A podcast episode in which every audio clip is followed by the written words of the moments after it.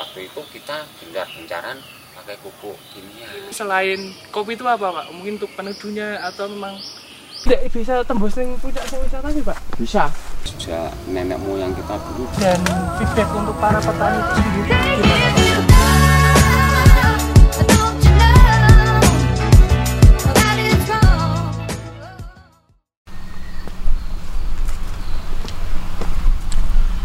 Kembali lagi dengan saya di channel Luden. Kali ini kita berada di Kecamatan Jambu, Kabupaten Semarang. Kita lagi ada di bekas rel zaman dulu. Ini namanya rel bergerigi. Ini untuk kereta-kereta tanjakan. Tapi kali ini kita nggak akan membahas tentang kereta. Kita akan ke perkebunan. Kita naik ke sana. Eh, di sana ada perkebunan kopi, lereng kelir. Langsung saja ikuti.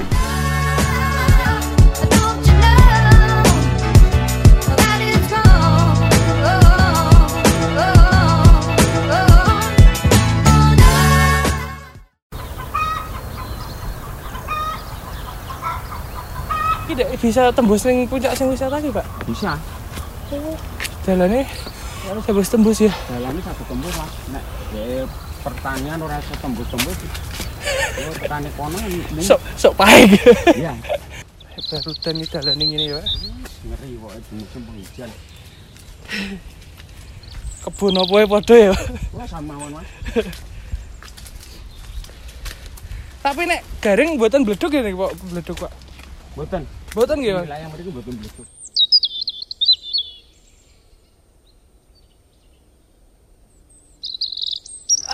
Akhirnya teduh. enak adem Mantap. Akhirnya sudah nyampe di perkebunan kopi Kopi. robusta eh, di wilayah Gunung Kelir atau lereng Gunung Kelir Garing Gunung Geli. Akhirnya kita sudah sampai di tengah perkebunan kopi. Kira kali ini kita bersama dengan Pak Sus, salah satu pengelola kebun kopi di daerah Kelir, Gertas, kertas ya Kabupaten Semarang. Oke. Eh, Pak, boleh ceritain nggak Pak sejarah ini tuh kebun kopi itu udah sejak kapan? Eh, untuk kebun kopi ini sejak nenek moyang kita dulu udah ada yang namanya tanaman kopi itu udah ada. Udah ada ya. Jadi kalau kita bilang sudah kisaran hampir lebih dari 70 tahun Nggih. Di dusun kami itu udah ada kopi, itu Kopi. eh, ada satu eh, peninggalan yang sekiranya dari dulu itu saya tidak ingat itu tumbuhnya seper, seberapa besarnya tapi sekarang udah tetap besar itu termasuk peninggalan dari mbah saya Oh, diameter batangnya ngoten nggih, Pak? Nggih. Itu oh, emang bener ya. kalau ini aja nih udah udah Perkiraan? kisaran 40 tahunan ini Dengan diameter segini tuh usia Iya, 40 udah tahun. 40 tahun Oh, emang bener ya. Eh, eh, eh. Berarti emang udah lama banget ya, Pak. Mungkin udah dulu sempat dikelola zaman Belanda apa gimana ya, Pak? Eh, untuk cerita sejarah zaman Belanda itu memang di wilayah Kecamatan Jambu, tepatnya di Bedono, di Gunung Kelir sini, itu memang sudah eh, ada yang namanya kopi, yang termasuk yang di Bedono itu ada kopi Eva. Oh, nggih, Terus kenapa di wilayah Gunung Kelir sini juga eh, terkenal sebagai Java kopi? Oh, Java sing legend itu. Ya betul, oh, itu cikal bakale apa ya? Bener bener bener. bener. Apa Java kopi itu kayak dijikok saka dari kopi sini nih maksudnya. Iya, itu termasuk Java kopi itu kan eh, kopi yang eh, istilahnya itu juga hasil dari peninggalan zaman penjajahan Belanda. Itu bisa dikatakan seperti itu. Zaman Belanda dulu juga sudah ada pengolahan kopi yang ada di eh, PTP itu. Nggih. Nah, itu kan termasuk itu juga hasil dari penanaman penjajahan Belanda dulu. Oh, ngoten nggih. Nggih. Udah lama banget ya, Pak. Eh, berarti untuk mayoritas jenis kopinya di sini tuh robusta ya, Pak? ya hampir hampir 99 persen itu eh, petani kita tetap di robusta karena eh, kecocokan di DPL-nya itu sendiri itu eh, signifikan sangat cocok di di robusta daripada di Arabica. Arabica, Ah. betul. Karena Mm-mm. kalau di Arabica itu kan di ketinggian ke kurang lebihnya 1300 Terus ke atas, ke itu atas. sangat cocok untuk di Nggih. Arabicanya. Sedangkan di sini ketinggiannya itu daerah sini 900-an ya, Pak? 900 untuk 900-an, daerah sini. Ah, terus itu kan ini kan perkebunan kan udah dari lama banget toh, Pak. Mhm. Terus dari penduduk atau pemilik kebun di sini itu eh, mengelola kebun kopinya itu gimana, Pak? Dari dulu sampai sekarang itu sama atau ada perkembangan atau gimana, Pak? Eh, kalau kita bicara dengan sistem perawatan perkebunan yang dahulunya dan hingga sekarang itu ada banyak perubahan. Kalau dulu itu eh, tanaman kopi tidak ada yang segini mas. Wah dulunya itu semua Tinggi-tinggi. tinggi-tinggi. Oh. Kalau kita metik harus manjat maupun kalau masih kecil kita tiungke. Biar iso tekan ngoten ya. Nah, nggih. Repot Kadang banget. Wong loro enten sing niungke enten sing metik. Tugasnya masing-masing Nah, ngoten. betul. Setelah kurun waktu kurang lebih ya tahun 90-an lah Nggih. kita bicara tentang kelembagaan dan di sini juga kita sudah diberi eh, pelatihan yang namanya dulu itu kalau tidak salah SLPHT Sekolah Lapang Pengendali Hama Terpadu di tanaman komoditi kopi. Itu di Kecamatan Jambu maupun dari Dinas Kabupaten Kabupaten. Semarang ya. Kita mulai eh, bahwa sistem perawatan tanaman maupun ke tanah itu sudah agak sedikit modern. Modern dalam arti pengertian secara umum yang bisa kita terapkan sistem pengolahan tanah maupun sistem keperawatan tanamannya Oh, kalau dulu ayo modelnya malah justru tapi bagus zaman dahulu sistem perawatannya serba organik oh, dulu itu mbah-mbah kita tuh belum pernah yang Mengenal namanya kimia- mengenal kimia, gitu. pupuk urea, NPK maupun dan lain sebagainya. Hanya mengandalkan pupuk kandiang. nggih yang ada di sini dari alam diberikan oleh alam kita kelola ngoten nggih. Nggih. Nah, setelah itu masuk ke kelompok tani, kita diberi pembelajaran cara eh, pengolahan tanah maupun ke tanamannya. Seharusnya tanaman itu kalau mau subur dan hasilnya lebih banyak itu kita pakai pupuk kimia. Oh, Nah, di waktu itu kita gencar-gencaran pakai pupuk kimia. kimia. Itu. Oh, sempat pakai kimia nggih. Betul. Setelah kurang lebih tahun 2015 kita mulai sadar bahwa tanaman yang terlalu kita hantam dengan Kimia. pupuk kimia itu tanahnya mulai agak sedikit kesuburannya berkurang. berkurang. Oh, efeknya ke oh nggih. betul. Kalau pakai kimia ngoten Ya, betul. Maka dari itu kami ataupun saya selaku di sini pemerhati kelompok taninya juga eh, sebagai penggiat petani muda yang Nggih. sekarang kita gerakkan untuk anak-anak muda Generasi seterusnya, generasi nggih. penerus kita Ya. kita eh, berupaya bahwa kita sedikit mengurangi di kimia tapi kita gerakan ke pupuk organik Organik. dengan pupuk kandang maupun pupuk organik cair seperti itu. Oh nggih, kembali ke dulu ya. Iya. Emang kalau emang faktanya lebih baik yang organik daripada kimia. Betul betul. Oke. Secara secara naluri kalau kita kembali ke organik itu bahwa untuk regenerasi yang akan datang anak cucu kita ke depan tuh kita tinggali dengan tanah yang masih subur deng- bukan dengan tanah yang rusak. Udah kering Kalau gitu. saat ini aja kita sudah merasakan bahwa tinggalan dari generasi eh, senior dalam arti bapak saya Nggih. itu kan sudah terlalu menghantam pakai kimia, Kimia. juga kita merasakan bahwa pengolahan tanah sekarang itu sangat sulit. Sulit Betul. karena efek dari pakaian pemakaian kimia itu ya. Betul. Oh, jangka panjang ya kerasannya itu ya, Pak. Ya, kalau kita melihat di waktu musim kemarau tanah kita tuh sangat sangat keras. Bener-bener keras itu. benar-benar keras tanaman juga akan sedikit melayu menguning akhirnya kita berpikir setelah 3 sampai lima tahun sekarang ini tanaman biarpun musim kemarau tapi masih bisa terlihat sedikit hijau tidak terlalu eh, rusak seperti itu Oh, nggih. nggih.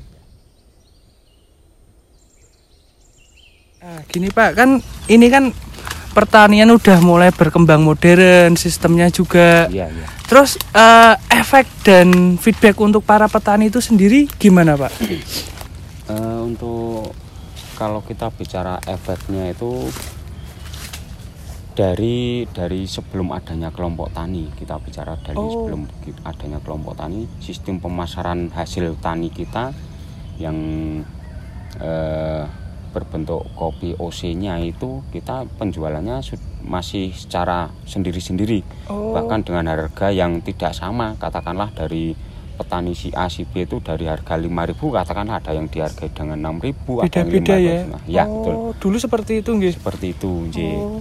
Nah setelah adanya kelompok tani kita sebagai wadah itu eh, petani kita kita harapkan bahwa penjualannya sistemnya satu pintu Oh. Dan di kelompok tani kita juga ada sebuah gapotan di hamparan Gunung Kelir sini nah, itu menjadi wadah untuk penjualan sistem ke keluar katakanlah ke eksportir Ke ekspor gitu. Iya betul. Karena di wilayah Gunung Kelir sini juga sudah ekspor ke Jepang, Oh. ke Eropa juga. Eropa juga gitu. Ya betul. Emang kualitas ini emang dari dulu emang juara ya, Iya. Pak.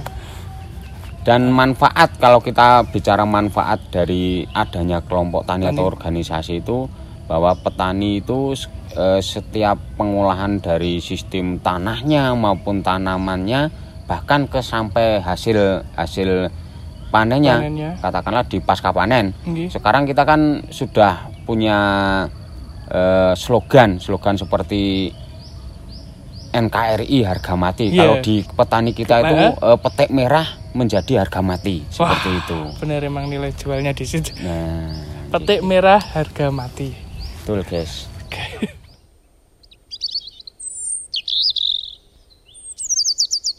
Ah, gini Pak, ini kan emang kalau ngomong kopi di desa Gertas Gunung Kelir itu emang juara ya. Tapi saya mau bertanya itu ini tanaman-tanaman lain selain kopi itu apa Pak? Mungkin untuk peneduhnya atau memang bisa dihasilkan selain kopi gitu apa Pak? Eh, untuk di sini sebagai tanaman tumpang sari bisa dijadikan naungan juga. Nggih. Itu ada pohon durian Oh, yang katanya Brongkol itu juga terkenal durian brongkolnya. oh Nah, bro. Dari termasuk- sini ya Pak? Iya, termasuk di dusun Gertas ini kan juga ikut kelurahan Brongkol juga kita tampilkan Oh. bahwa di Gertas ini juga bisa kita eh, tanami durian untuk menjadi tambahan penghasilan petani. Oh. Juga ada alpukat untuk yang sekarang, terus nangka. Yang dulunya paling banyak itu di cengkeh ya, seperti ini.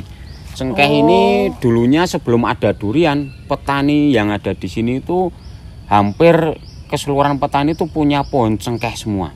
Cengkeh itu malah dulu banyak Iya, ya sini nggih. Banyak. Setelah tahun 2026 kalau enggak salah, eh 2016 kalau enggak salah Oke. itu terkena virus yang Kena melanda. Oke. hampir di seluruh Kabupaten Semarang Nggih. itu semua punah. Ya ini tinggal sisa berapa Sisa. yang masih Bisa bertahan. bisa bertahan. Oh, ngaten nggih nggih nggih nggih. Untuk tambahan yang lainnya kita juga ada tanaman pohon pisang, terus eh, jahe, terus ada lagi cabai rambat. Itu sebagai apa ya kalau kita bicara tentang hasil itu untuk memperkuat kehidupan dalam jangka satu tahun. Kalau kita mengandalkan kopi itu tidak cukup mas. Enggak cukup. Iya. Heeh, bener bener. Tidaknya kita ada eh, selanan Iya, selanan hasil lainnya gitu. hasil yang lain untuk kita panen di sela-sela mungkin kalau seperti ini sebelum pat, panen kopi, Kopi, kita udah panen bisa durian panen kalau durian. pas musimnya Nggih. bisa ada yang panen alpukat dan nggih. Bener bener. pisang seperti itu Emang soalnya emang tanah sini subur jadi mau tanaman apa aja kayak masuk ya, Pak. iya iya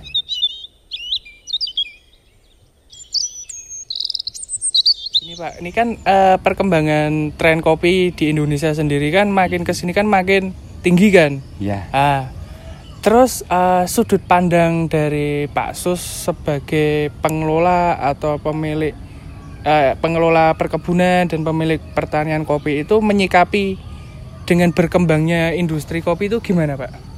Eh, untuk perkembangan di industri kopi itu sangat bagi kami sebagai petani itu sangat membantu sebenarnya eh, sekarang itu generasi-generasi muda itu sudah mulai berinovasi dari eh, dulu kita hanya menjual kopi cherry yang berbentuk merah maupun se- eh, kopi yang sudah eh, green bean Green bean, atau gitu. yang sudah menjadi olahan mentah yang siap untuk Di- diekspor Wah, katakanlah siap dijual. Sekarang teman-teman pemuda itu sudah mulai berinovasi bahwa bagaimana caranya kita itu tidak hanya menjual kopi berbentuk cherry maupun eh, green bean. Bagaimana caranya bahwa kita juga untuk meningkatkan pendapatan petani sendiri itu efeknya nanti untuk ke petani keseluruhan itu kita harus menciptakan olahan kopi. Ya, sekarang kita terbukti di daerah sini juga ada olahan kopi bubuk Nggih. maupun sekarang dari teman-teman muda itu sudah mendirikan kafe yang ada di kampung sana. Oh, yang di atas itu ya. Hmm, betul. Heeh. Oke, jadi di sini tuh juga ada kedai kopi. Nanti kita akan naik ke atas. Eh, lanjut Pak. Ini kalau harapan Pak Sus untuk ini kan kalau petani itu kan bisa dibilang tuh dalam industri kopi dia berada di hulu, di Iya. pertama kan. Iya. Lah, ini kan yang bener-bener rame itu di eh, industri kopi di bagian hilir, mungkin di coffee shop di kota-kota Mhm. harapan Pak Sus untuk para pemain yang ada di hilir seperti pemilik kedai atau itu untuk para petani sendiri itu apa Pak? Oh, harapannya kalau bisa dari dari hilir itu eh, untuk membantu kami sebagai petani. Terjun Dan- langsung gitu Ya nggih. betul. melihat langsung. Syukur bisa langsung melihat oh ini kondisi kebunnya dan ini hasilnya seperti ini. Seperti itu. Jadi kita sebagai petani tidak hanya berpikir wah iki engko nek wis bar panen ki arep didol ngendi meneh. Ngono nggih. betul. Sedangkan eh, dari anak-anak muda sekarang itu untuk penjualannya apalagi di saat seperti ini itu sangat susah untuk di roast bean-nya maupun di pem- di bubuknya. Oh. Eh, maka kalau kalau bisa ya harapan kami untuk yang di coffee shop coffee shop itu terjun langsung kita datang ke dusun kertas di Hillseed Cafe yang ada di dusun kertas ini kita bincang-bincang justru kalau bisa ya kita sistemnya kerjasama Iya. Nah, seperti itu Bener bener bener bener. Eh, buat teman-teman yang memiliki coffee shop, emang cuan kalian paling gede soalnya anda bisnis di hilir. Cuman ya seenggaknya main-main lah ke hulu di kebun-kebun kopi. Soalnya eh, tanpa petani seperti Pak Sus ini warungmu kira payu. Tolong yo. Oke Pak, kita kita langsung jalan aja ya. oh ya siap Sampai lihat-lihat perkebunan.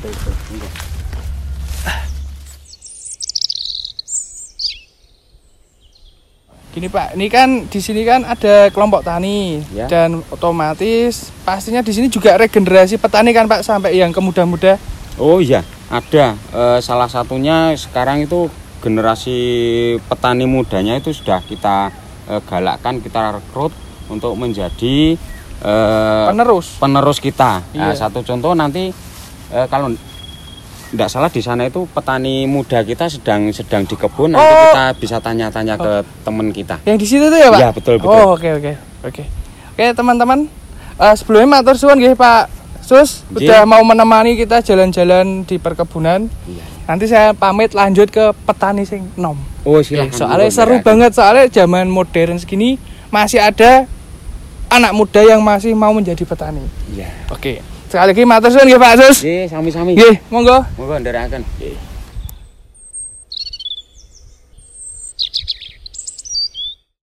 hama yang mungkin sangat ditakuti petani itu adalah. Kalau durian durian apa Mas? Kalau di sini saya lebih Ini kita lagi bersama dengan teman saya. Dia adalah